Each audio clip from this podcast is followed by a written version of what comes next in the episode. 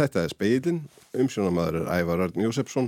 Við fjöllum um flóðsuður í Ástralju, slemt gengi íslenskra grunnskólanema í Písakönnun, mögulegar ástæður þess og svo viðbröfið því en við byrjum á námslánum.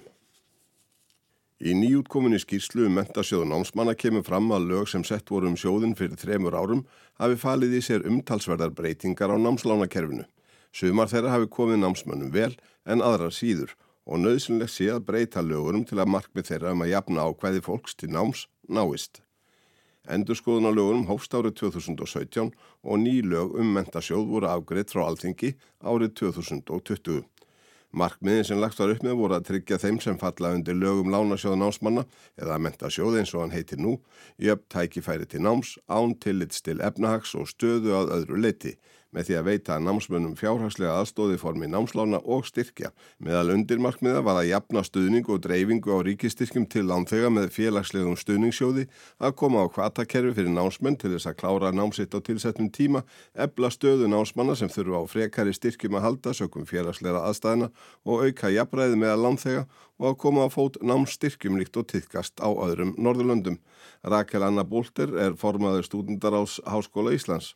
Hún fagnar þessari úttækt þótt sömum kunna þykja heldur lítil reynsla komin á þryggja ára gamla lögjöfuna, segir hún. Stúdendarhefingin hafi þó lagt áherslu á að úttæktin er þið ítarleg fyrst ákveði var að fara út í hana á annað borð. Það eru nokkur atrið þarna sem á okkur finnst að hefði mátt kanna betur. Til dæmis er ekki kannað hvort að námslán dugi til framfæslu og hvernig ákvarðanir hafa verið teknar um, um, um fjárhæð þeirra, segi ég. En því er haldið fram að námslánu hafi haldið í við vístöluna. Já, einmitt, en síðan kemur í ljósa að, að það á ekki við um hérna, húsnæðislánið. Þegar ráðist var í endurskoðun lagana hafið þeim fækkað stöðut um nokkur ára skeiði sem tóku námslán úr rúmlega 12.000 veturinn 2009 til 10 í um 7.000 veturinn 2016 til 17 og þeim hefur haldið áfram að fækka og voru um 5.000 síðastliðin vetur. Speilin spurði Rakel hvort hún kynni skýringar á þessu. Já, ég held að það sé ekki einn skýring við því og skýslan skoðar einhverjar ástæður. Ég held að við getum ekki tekið það út fyrir svega á hvernig kjörum þessi lán eru og að færi lántakar gefi vísbendingu um það að þessi kjör séu ekki nægilega ákjósanlega. Þrátt fyrir að það sé verið einlega styrkakerfi að hluta? Já, einmitt.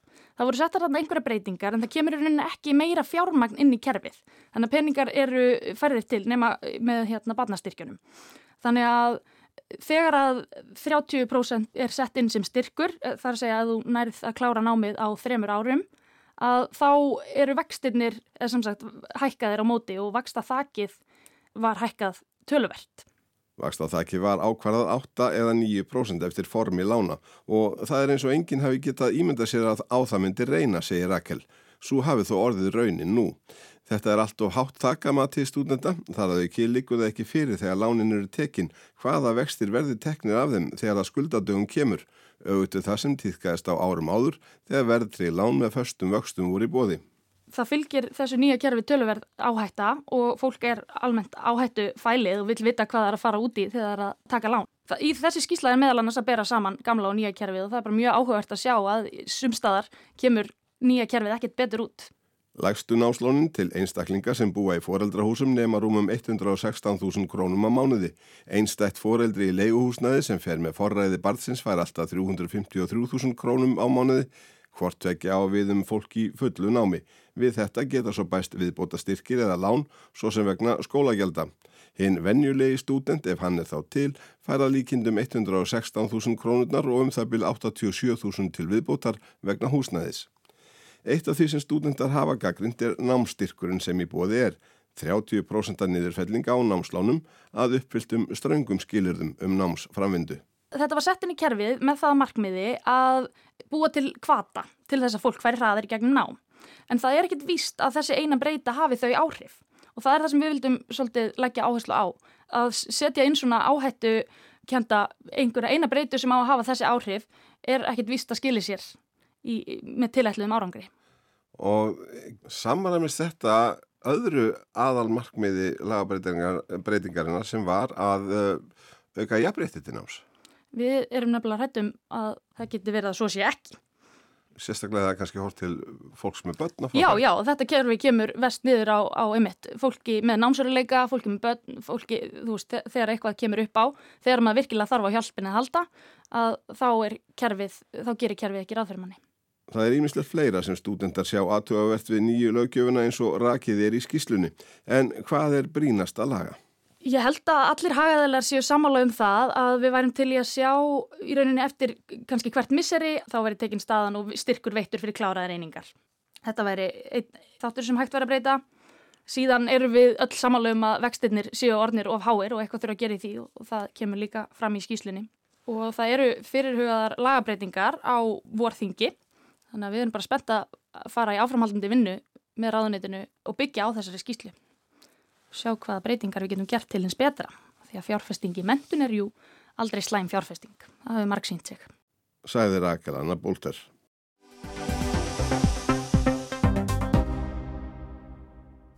Og áfram með menturina Alli Harðarsson, professor á mentavísindasviði Háskóla Íslandsgeldur var hugvið því að stjórnvöld ráðist í átagsverkefni í mentamálum í framhaldi á slakri niðurstöði Písa. Víða í heiminum sé reynslan á einn veg, því meira brambolt og bakslagangur í, í kerfinu, því verði verði útkoman næst. Þetta er ekki fyrsta sinn sem er rópað á stjórnvaldsaðgerðir í kjölfar lélærar útkomi í Písa, okkar útkomi reyndar sérlega lélega núna en vitt og breytt um heiminn hefur síðan 2000 sama sagan endur tekið sig aftur og aftur að þar sem nemyndur hafa fengið lélegar engunir í Písa hafa stjórnvöld gripið til umbóta og aðgerða og átagsverkefna og þetta hefur talsett verið rannsakað og mjög víða er reynslan á einn veg að því meira brambolt og því meiri stjórnsýstilegur bækslagangur í kjálfar vondrar niðurstöður písa því verri verður útkoma næst. Og ég vona nú að fólki sem nú er að hugsa um einhverjar stórkostlega stjórnvaldsaðgerðir til þess að, að rétta þetta allt saman af horfi til reynslu annara þjóða og endur taki ekki vittleysur sem aðrir hafa gert með vondum afleðingum. Hvernig vittleysur hafa aðrir verið að gera?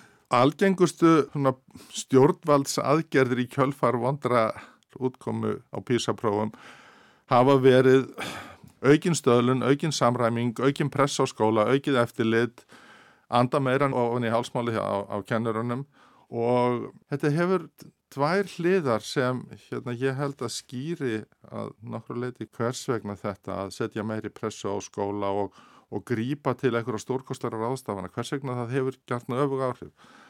Annað er að kennarar upplifa þetta sem vantraust og þetta setur þeirra eigin skólaþróun í uppnám.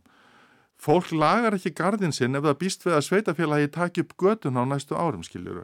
Þannig að þegar fólk býst við einhverjum stórkostlegum umbótum að ofan, þá vinnur það ekki hvert í sínu hodni að þeim daglegu umbótum sem sífælt þarf að gera. Hinliðin á þessu er að þegar fólk kallar eftir því að stjórnvöld bjargi uppeldi barna þá er það að nokkur leiti að varpa frá sér ábyrð en sannleikurinn er sá að stæsta og erfiðasta verkefni hverjar kynnslöðar er að ala upp börn sín, menta þau og, og hérna, ef við býðum eftir að ráð þeirra geri eitthvað stórkostlegt þá er ómikil hætta á að við býðum of mörg með hendur í skauti. Við getum öll gert heilmikið, við getum öll talað meira við börnum sem við þekkjum. Þa, það sem ég er að kalla eftir er að hver maður spyrji sig hvað get ég gert fremur en að rópa á að barnamála ráþæra eða sá ráþæra sem fer með málefni skóla drægi fram töfralausnir við höfum á undarförnum árum hvað eftir annað fengið töfralausnir að ofan og já hvað eru við núna? Þannig að þú sérð í raun og veru kannski enga sérstakka ástæðu til þess að breyta neinu inn í kerfinu ekki, og heldur ekki námskránum sem að þú hefur skoðað mikið? Ég veit svo sem ekki hvað skal segja. Sko, námskrá grunnskóla frá 2011 inni heldur gríðarlegan fjölda af markmiðum sem eiga það sammert að þau lýsa hæfni sem nánast allt fólk hefur í einhverja mæli en enginn hefur til fulls og segja ekki ákaflega vel eða nákvæmlega að hvaða marki nefndur eiga ná þessari hæfni. Hvort að við bætum eitthvað með því að endur skrifa þann texta, ég reynd og beint veit það ekki. Ég hef svona grunum að svo breyting á námskrám sem hefur haft mest áhrifi þá veru að draga úr getu grunnskóla til þess að veita góðan undirbúningi í náttúrufræði, greinum og starfræði sé ekki nýleg breyting á námskrá grunnskóla heldur fremur breyting á námskrá framhaldsskóla sem var gerð 1999 fyrir þann tíma þá tóku nær allir framhaldsskóla nefnar starfræði að minnstakosti fjórar annir af átta, flestir fimm annir af átta. Með námskólanum frá 1999 var þetta minganir í tvo áfanga og framundir okkar daga hefur stór hluti grunnskólakennara sem kennir derfæðu og náttúrufræði greinar byggt að nokkur leiti á þekkingu sem þeir öfluðu sér í námiðli stúdinsprófs. Fremur fáir þeir að bæta mjög miklu við í stærfæða náttúrufræði greinum í kennaranámi Þannig að breytingar á námskram undarfarna áratögi hafa leitt til þess að kennarar sem tóku stúdinspróf á þessari öld, þeir koma inn í kennarana með minnigrunni í, í starfræðu og í flestum tilvíkun líka í reyngreinum og það eru þessar tvær greinar sem, sem vega þingst á písaprófinu. Þannig að við höfum núna kennarastjætt sem er kannski svo litið verð undir það búin að kenna þessa greinar heldur en kennarar voru fyrir á árum. Hvað þetta vegur þungt vitum við hins vegar ekki. Raunar vitum við ekki hver stór hluti af skýringunni á lögugengi íslenskra 15 ára nefnda á písarpröðum í fyrra, hver stór hluti af skýringunni er hjá skólanum og hver stór hluti af skýringunni er breytingar á lífi barna, það að einhvernig skuli líka falla eða lækka í nágrannlöndum okkar það bendir til að að missikosti hlautafskýringunni séu breytingar á lífi batna sem ekki eru bundnar við Ísland en það að við skulum vera neðar og rapa meira gæti bent til þess að við þurfum að huga betur að hlutum eins og mentun kennara í rangrænum og, og starfræði. Þú ert að tala um breytingar á, á lífi barna, nú fara allir að hugsa um snjálfsíma, hvað áttu við? Það hafa margvíslegar breytingar orðið á lífi barna á undanföldum áratögum sem má alveg hugsa sér að tengist lagar hann ámskengi en það að megi hugsa sér það þýðir ekki að við höfum þekkingu til að fullir það. Margir hafa benda á snjáltækin og ávanabindandi samskiptamiðla sem grýpa aðtikli barna og það er ekkit ósennilegt að það eigi sinn þátt í því að þeim gangi verða að læra. Það hafa fleiri breytingar orðið á lífi barna undarfarna áratögi stærri hluti þeirra er með langa dagskrá til viðbúta við skólan, jafnvel dagskrá sem er jafnlöng eða lengri en vinnudagur fullorðina, með þeim afleðingum að börn leika sér minna saman þvert á aldur. Það er minna sem sagt um það þenn áður að þau átt ára fái óformlega tilsögn frá þeim 11 ára og svo framvegis því þau eru tímabundin og tímið þeir eru oftast bundin í hópi jafnaldra með einn eða tvo fullorna hjá sér yngri sískinin læra ekki af eldri sískinum og vinum þeirra. Sko það er eitt af því sem má hugsa sér sem skýringu en þetta er eitthvað sem er rétt eins og með snjaltækin það er þetta að hugsa sér og það er ekkit ósennilegt að þetta skýri hluta af vestandi námskengi en að fullir það með vissu að þetta eigi svo og svo mikinn þátt í lagri útkomu íslenskra ólinga á písapráðum í fyrra það er glannalegt, þá erum við að fullir að meira við höfum þekkingu til en ég held að við gerðum vel í að rannsaka þess að tvo þætti betur. Frjálsa leiki barna þvert á aldur og áhrif samskiptameila og snjaltækja á, á lífðera ég held að eina fólki sem raunverulega veit hvað er að gerast í lífi barnana eru börnin sjálf. Kennarinn er að vita líka heilmikið um það. Þetta fólk veit meira heldur en við sem horfum á skólakerfið utan frá en þeirri þekkingu er ekki sapnað saman og það er erfitt að henda reyður á henni en ég held við náum aldrei utanum þetta nefn að tala við börnin um hvers vegna þeim gekk illa á písaprófinu, hvaða skýringar sjá þau. Sæði Alli Harðarsson og Ragnhildur Tólasíus talaði við hann.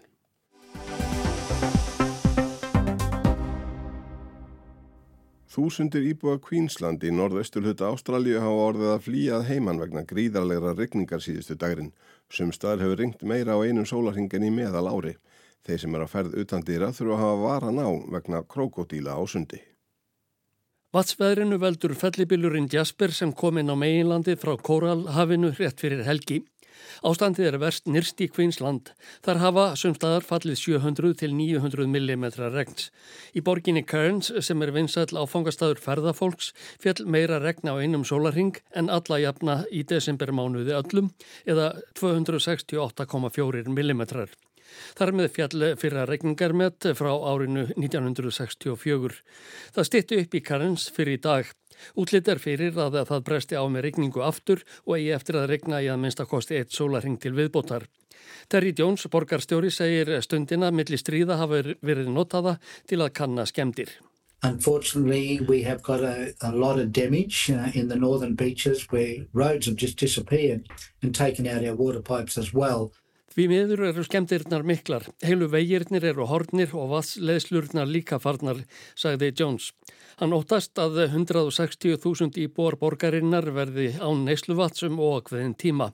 Hann segir ómögulegt að meta tjóni til fjár að svo stöttu. Björgunarsveitir hafa verið önnum kapnar við að sækja fólk sem lokaðist inn í húsum sínum. Margir þurftu að flýja upp á húsþök og býða þess að þyrlur kemur til hjálpar. Ástralski herin sendi nokkrar þyrlur og björgunarbáta til að aðstóða við hjálparstarfið.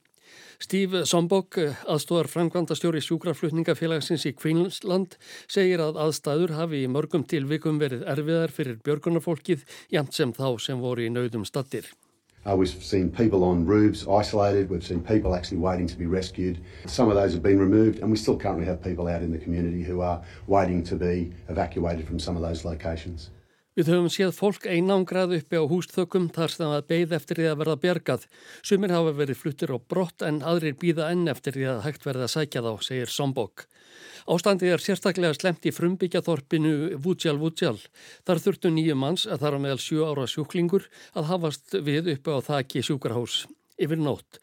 Ekki var undað senda þyrlur til að bjarga fólkinu vegna rigningar og þóku. AFP fréttastofan hefur eftir Kæli Hanslow sem á sæti í sveitarstjórninni að fólkið hafi náðað komast í á örugari stað áður en vatni tók að hækka á ný. Reyna á að flytja þorpsbúa á brott á morgun. Þar búa um 300 manns. Hansló segir að óhreint vatn og eðja fljóti um göturnar að auki eru þar krokodílar á sveimi. Vegna flóðana hefur verið vart við krokodíla á stöðum þar sem þeir eru sjálft séðir. Yfirvöld hafa bentið til fólks að vera sérstaklega á Varðbergi gagvart þeim, segir Krist Testa, fréttamaður hjá Ríkisútvarpinu í Ástralíu. This is one of the things that authorities are really concerned about is that people will venture out into floodwater, be it, you know, in their boats, in their tinnies or in their cars or even having to swim Þetta er eitt af því sem yfirvöld hafa þungar áhyggjur af, að fólk fari út í vatnið á bátum eða bílum eða reynir jafnvel að synda en gerur sér ekki grein fyrir hættunni, segir Testa. Hann segir að eins og stændur sé ófært til og frá borginni Cairns vegna þess að vegir séu stór skemdir. Þá er flugvöllurinn lokaður þannig að ferðafólk sem var komið til að skoða kóralri við mikla undan ströndinni verður að býða þar til í fyrramálið. Af myndum frá flugvellinum má sjá nokkrar flugvelar mara í hálfu kafi. Völlurinn stendur nálagt áni Barron. Yfir borða árinar er 4,4 metrum hærra en venjulega. John Albanese, eh, forsættisráð þeirra Ástralíu, ætlar að reyna að komast á flóðasvæðið strax á morgun. Hann segir að myndir af aðstæðum séu skelvilegar en rósar björgunar fólki fyrir vel unnin störf. Þið sama gerir Stephen Miles, forsættisráð þeirra Queensland. We deployed literally every boat we could get our hands on in Cairns to evacuate those who couldn't safely evacuate themselves. Við sendum bókstallega hvern einasta bát sem við fundum til Karins til að hjálpa fólki sem var innleiksa á heimilum sínum, segir Miles í viðtali við Ástralska ríkisútvarpið. Hann segist aldrei hafa séð aðrar eins hamfarir og urðu í norður hluta ríkisins. Oft hafi ringt en sjaldan eins svakalega og að þessu sinni. Á sama tíma og íbúar í Queensland glima við vanda vegna regningar berjast slökkviliðsmenn í nýja söður veils við gróðurelda. Þeir brutast út 8. desember og hafa síðustu dagana brent gróður á um 80.000 hektara svæði. Ástandið versnaði í dag eh, þegar logarnir tókuð að færast nær húsum í bæjunum Narabri og Bogabri. Íbúarnir voru beðnir um að reyna ekki að forða sér, eldarnir hefðu lokað öllum leiðum. Áskeir Tómasson saði frá. Fleira er ekki í speklinum í kvöld, tæknum að það var Mark Eldred, það má hlusta á speilin á rúf.is og helstu hlaðvarps veitum. Verðið sæl.